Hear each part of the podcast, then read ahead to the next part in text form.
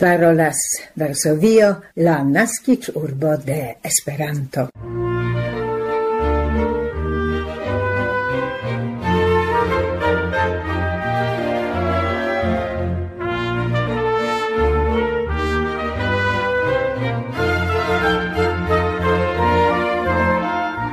Coran bonvenon, gesignoroi, en la 1201 Esperanto el sendo, el Varsovio la decan de octobro 2022. En la hodiaua lunda el sendo Barbara Pietrzak kaj Maciej Jaskot proponas aŭskulti komence kultur kronikajn informoin, sekve fenitonon dedicitan al Coninda Polo, Temas pri Stefan Kudelski, revoluciiginta la sonregistradon por radio, televido kaj filmo, dank al siei magnetofonoi Nagra, honorita interalie per du Oscar premioi. La Esperanto comunuma informo concernas unua vice concursemain verkemain medicinistoin. Hodiau anta unia microfono ni gastigas polan studenton de la interlingvisticae studoj Mikaelon Rikardon Balicki. Comence ne proponas la kulturkronikajn informojn.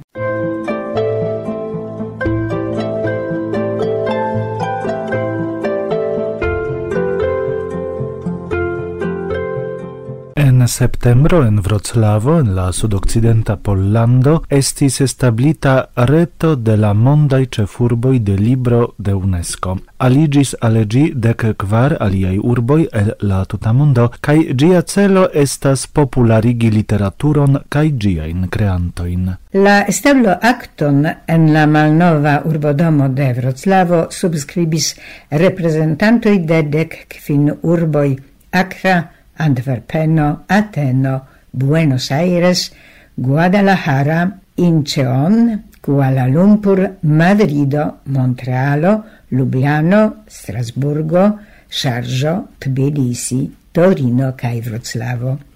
La eventon partoprenis reprezentantoj de UNESCO kaj Internacia Eldonista Societo.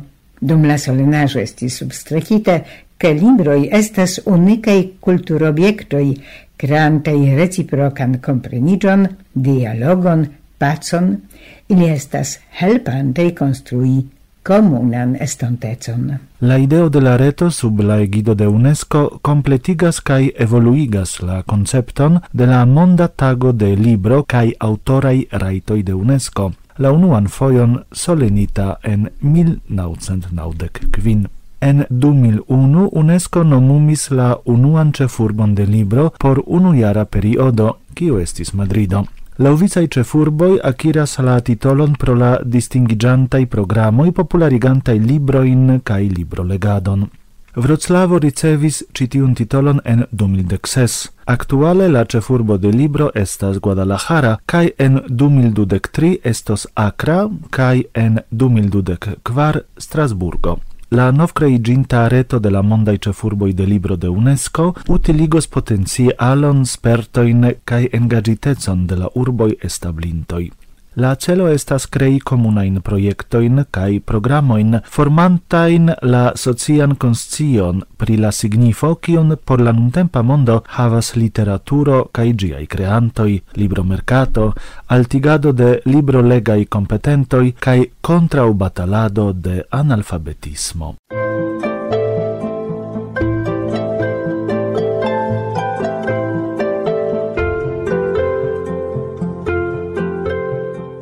la urbodomo de Poznano la iama jezuita Collegio, estis malcovritai sur la volbo de iama klostra manĝoĉambro, de debat salono, interesai frescoi. Lau en conducai examenoi, ili creigis en la tridekaj iari de la dekokaj arcento, iam post la finkonstruo de la collegio, kaj non rolas kiel extraordinare valora pruvo pri la origina barocca interno de la collegio. La unuajn freskojn oni malcovris en 2010. Ok. De la restauristaj laboroi oni successis malkovri frescoin nur sur circa 20% de la volbo. Nun estis presentita la cetera parto. Gi consistas el tri scenoi cun religia temaro, el inter ciui nur la unua iam estis plene identigita cun la quara capitro de la Jeremia lamentado, unu el la libroi de la Malnova Testamento. La scenoi sur la volbo estas circauitai de la decdu jesuitai sanctuloi en lunetoi, inter kiui trovigas Stanisław Kostka, Andrzej Bobola, Jan de Goto, Jakub Kisaj, Franciszek Borgiasz, Alojzy Gonzaga kaj Ignacio Loyola.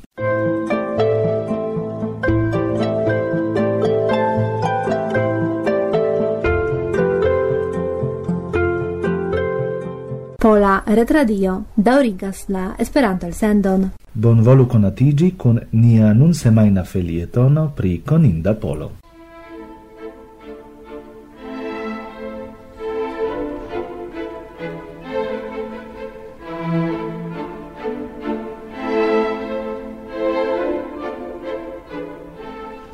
la hodiaŭan felietonon ne dediĉas al Stefan Kudelski, elstara pola elektronikisto, kies biografio estas preta materialo por la filmscenaro. Kvankam ekster la filma aŭ radia medioj lia nomo ne estas vaste konata, sed ne eblas diri tion pri lia sonsorbandigilo Nagra, revoluciiginta la sonregistradon por radio, televido kaj filmo. Havante nur dudek du jarojn, ni inventis aranĝaĵon, kiu por jardekoj ŝanĝis la tutan ĉi-rilatan produktosektoron. Kiam mi komencis labori en la Pola Radio, kaj interalie okupiĝis pri la raportado, la nomo de Nagra magnetofonoj estis legendeca kaj vekis asociaciojn kun la plej kvalitaj sonregistraj laboroj. Kvankam mi mem disponis pri tute bona bovena uher magnetofono, ja ni ciui sciis, che gia son qualito estas necomparebla rilate al nagra. Stefan Kudelski naskiĝis la 27 de februaro 1929 en Varsovio. Komence de la dua mondmilito pro la germana invado la tuta familio decidis elmigri. La familio devenis en la oriente iran regionoi de la antaumilita Pollando.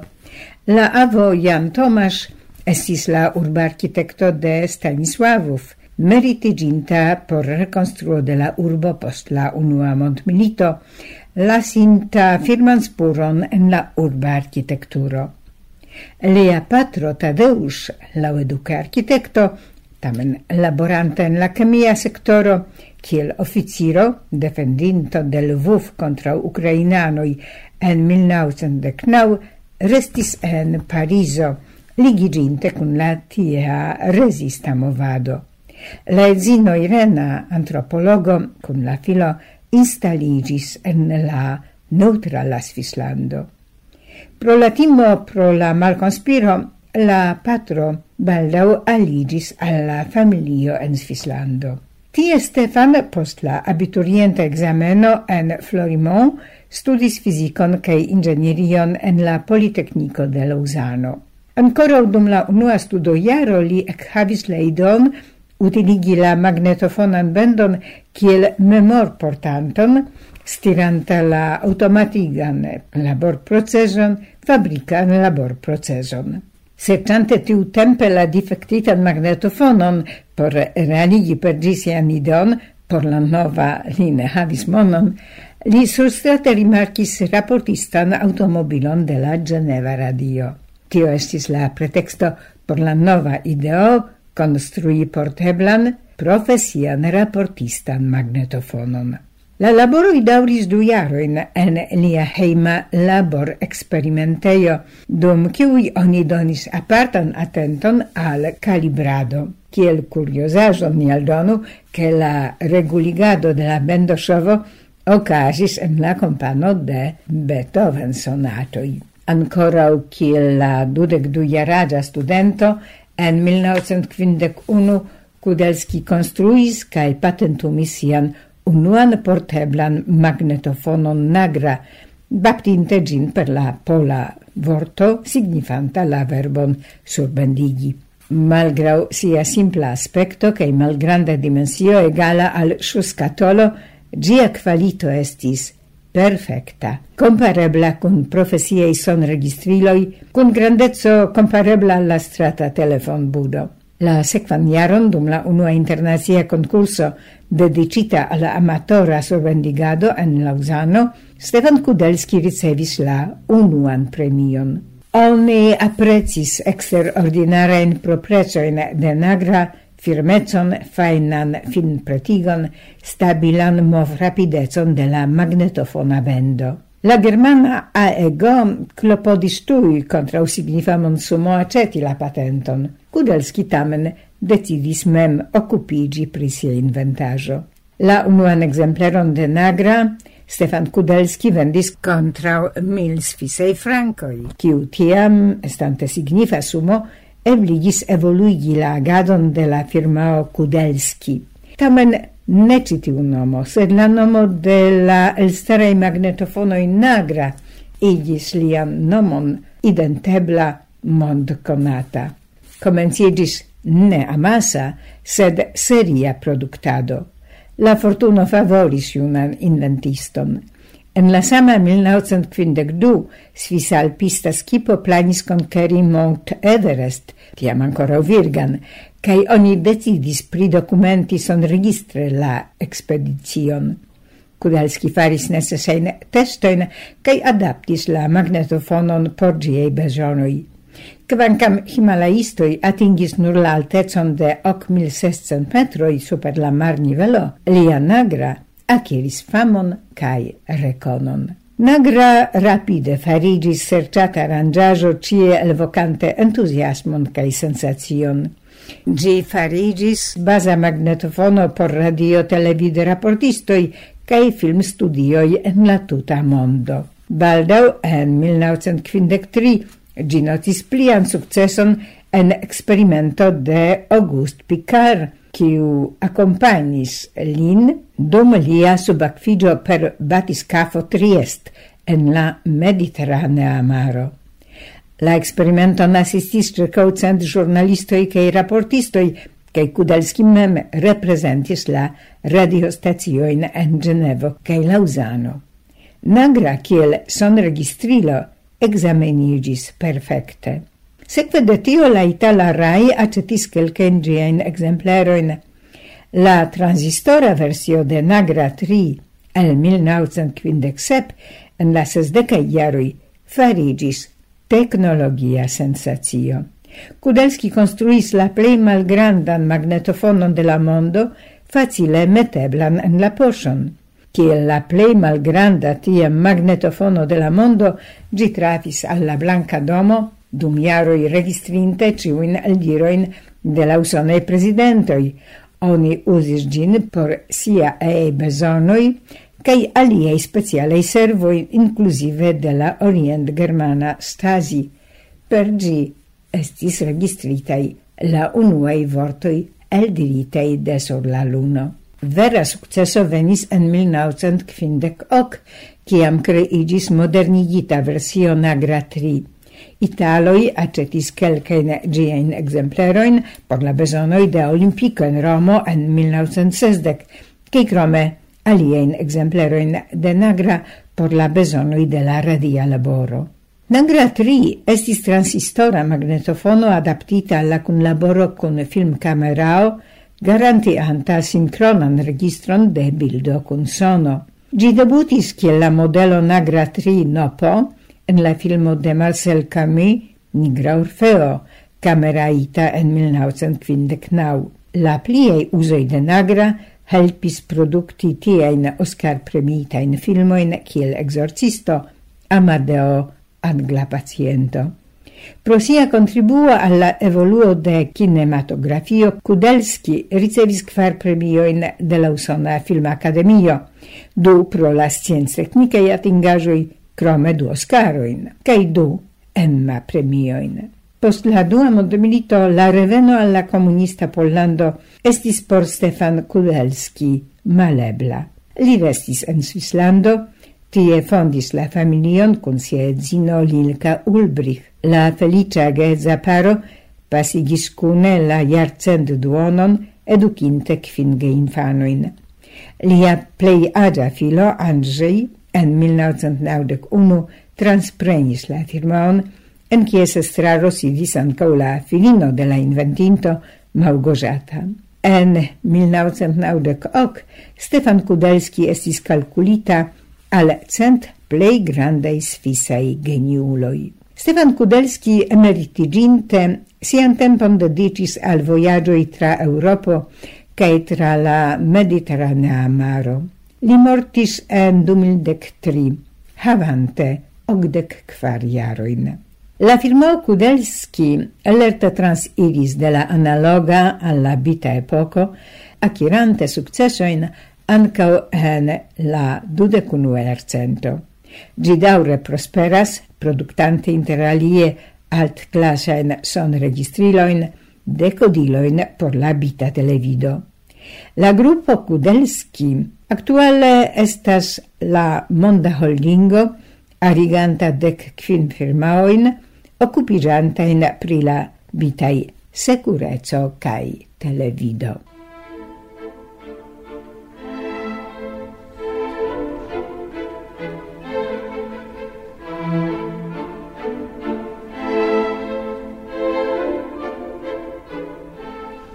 parolas Pola Retradio en Esperanto.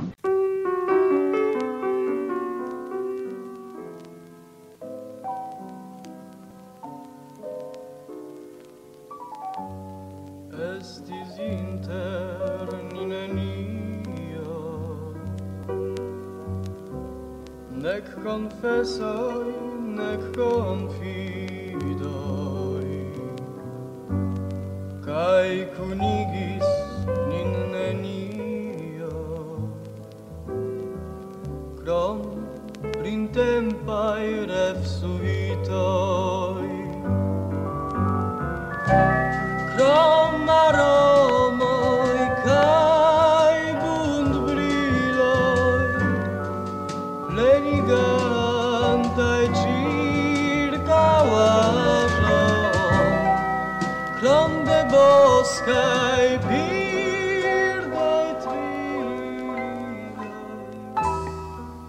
cai fresgrassa la verdade.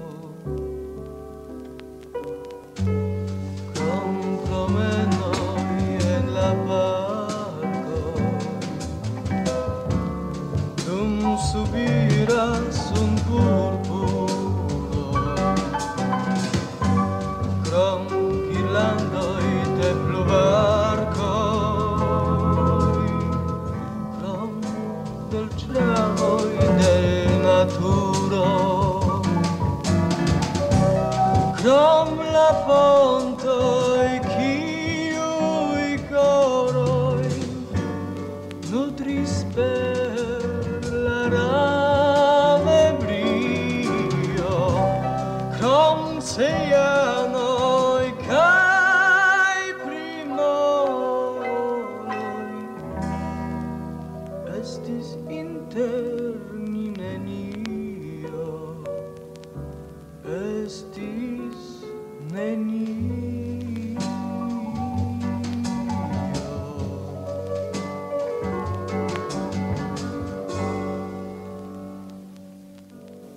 Hodiaŭ ni proponis al vi Esperanto-version de la pola kanzono en la sepdekaj jaroj inter ni estis nenio por la teksto de fama deknaŭjarcenta pola poeto Adam Asnik cantis la ensemblo Musilo. Varsovio parolas en la internacia lingvo.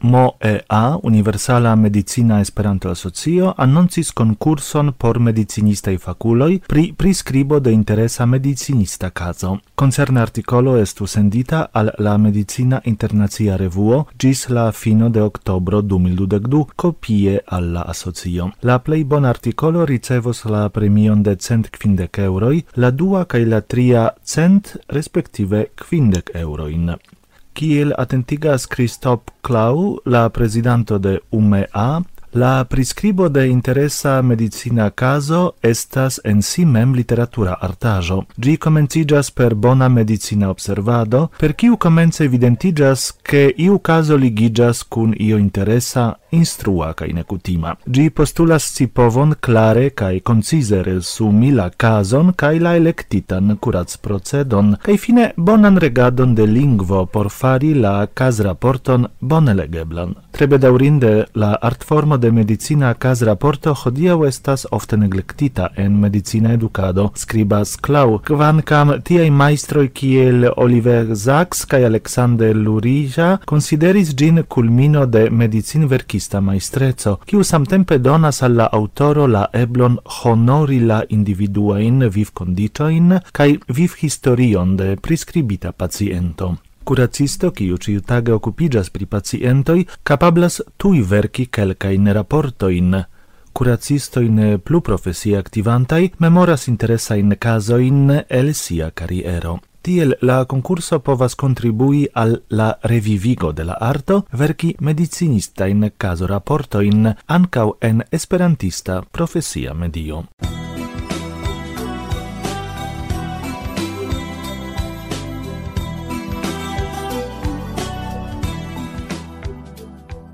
parolas Varsovio, la naskiĝurbo de Esperanto.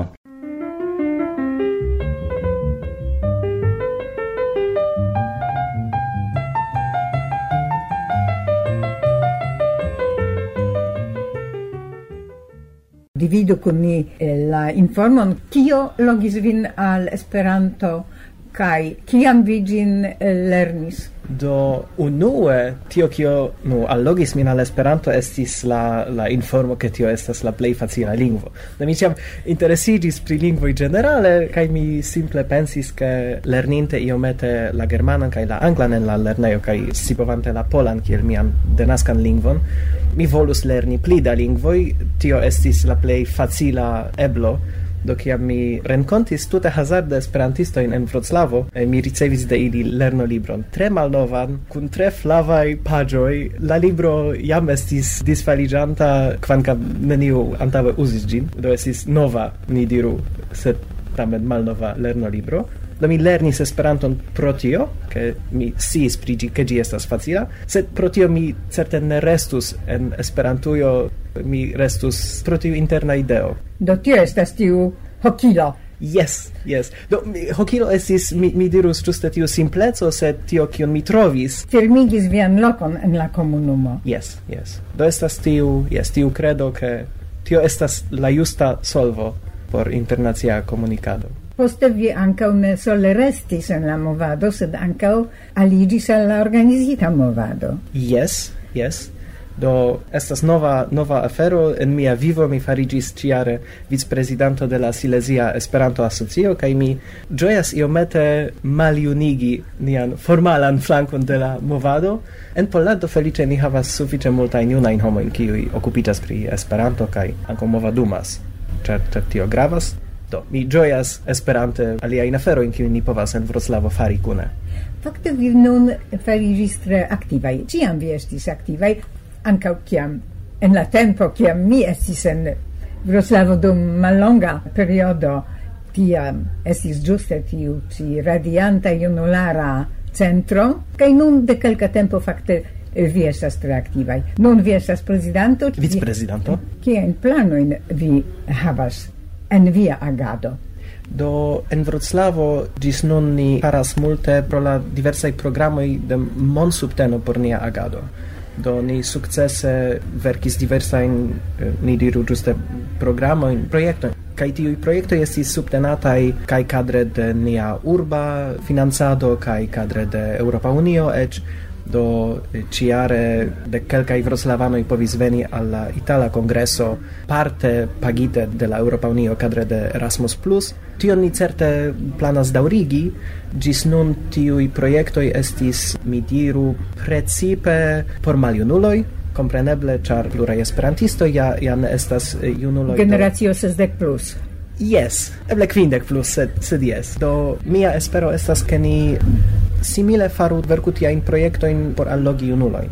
Ĉar tio estas komprenebla la estonteco de la, de la movado kaj por certigi ke Esperanto plu vivu indas allogi ankaŭ junajn homojn kaj mi pensas ke, ke ni povos tion fari kaj kie estas viaj rilatoj kun Pola Esperanto Asocio, kun Universala Esperanto Asocio? Mi estis membro de UEA dum unu jaro pere de Teo, do estante membro de Teo, kaj mi estis membro de Teo fakte por havi rabaton partopreni io koki okazis en Wroclavo en 2016. Do mi mi volus ke ke la movado ankaŭ tiu tiu formala faru pli da moja sajnfero in kiuj povus allogi ankaŭ min kiel aktivan no parton de tiu movado Mi esperas ke tio okazas. Iomete mi bedaŭras ke tiom da junuloj en Esperantujo ne sentas sin plenkreskuloj sufiĉe do tiu ŝanĝo de la aĝlimo de Teo. Ĝis la... tridek kvin. Ĉu ne tridek ses? Eĉ mi, mi ne scias precize. Tamen mi dirus ke tridek jarulo ne estas junulo. Do io maudace al controverse de, de junulo. Jes, do mi estas preskaŭ tridek jara, kaj mi volus, ke teo estu vere por junuloj, ĉar mi, mi pensas, ke pro tio, ke tiom da, da homoj daŭre laboras por ke ioko estu vere mojosa afero, tio bedaurinde faras ke uko ne estas tiom alloga por homoj de, de mia generacio, ni diru. La sama in aferojn oni povus fari dum ukoj, oni povus agadi en UEA por fari la sama in afero in sed la mi tio estus la la play bona vojo. Aha. estas strukturo suverena. Yes. Rilate alla Pola Esperanto Asocio Sed giuste, ĉu vi havas kontaktojn kun aliaj organizoj en Pollando kaj ĉu okazas iu kunlaboro aŭ ĉu estas iuj planoj kunlabori kun aliaj? Do mi pardonpetas se mi ne scias ĉion pri nia agado ankoraŭ. Mi kiel mi diris, mi estas de antaŭ nelonge vicprezidanto. Sed jes ja ni kunlaboris kiel eh, Silesia Esperanto Asocio ni kunlabore kun Kelly organizis kongreson de Kelly kaj kompreneble tio estis ankaŭ afero ĉe kiu ni kunlaboris kunlaboris kun la Pola Esperanto Asocio, do mi konas nian prezidanton de PA Do tamen iu formo de kunlaboro estis do ne estas eh, tiel ke ĉiutage aŭ ĉiusemajne ĉiumonate vi devas kunlabori kun iu alia medio sed vi kvazaŭ ne, ne distanciĝas disde tiu ĉi laboro. Kaj kompreneble mi ŝatus demandi ankaŭ pri tio ĉu vi kelkfoje aŭskultas niajn programojn ne tro ofte. Ne gravas. Ĉu vi aŭskultas Esperanto-radiojn? Yes, yes, mi auscultas, mi diru, tio kion mi auscultas ne estas compreneble nur en Esperanto, do eble pro la simple kvanto de, de diversaj aferoj kiuj mi povas eh, atingi per interreto plej ofte mi faras tion per la angla.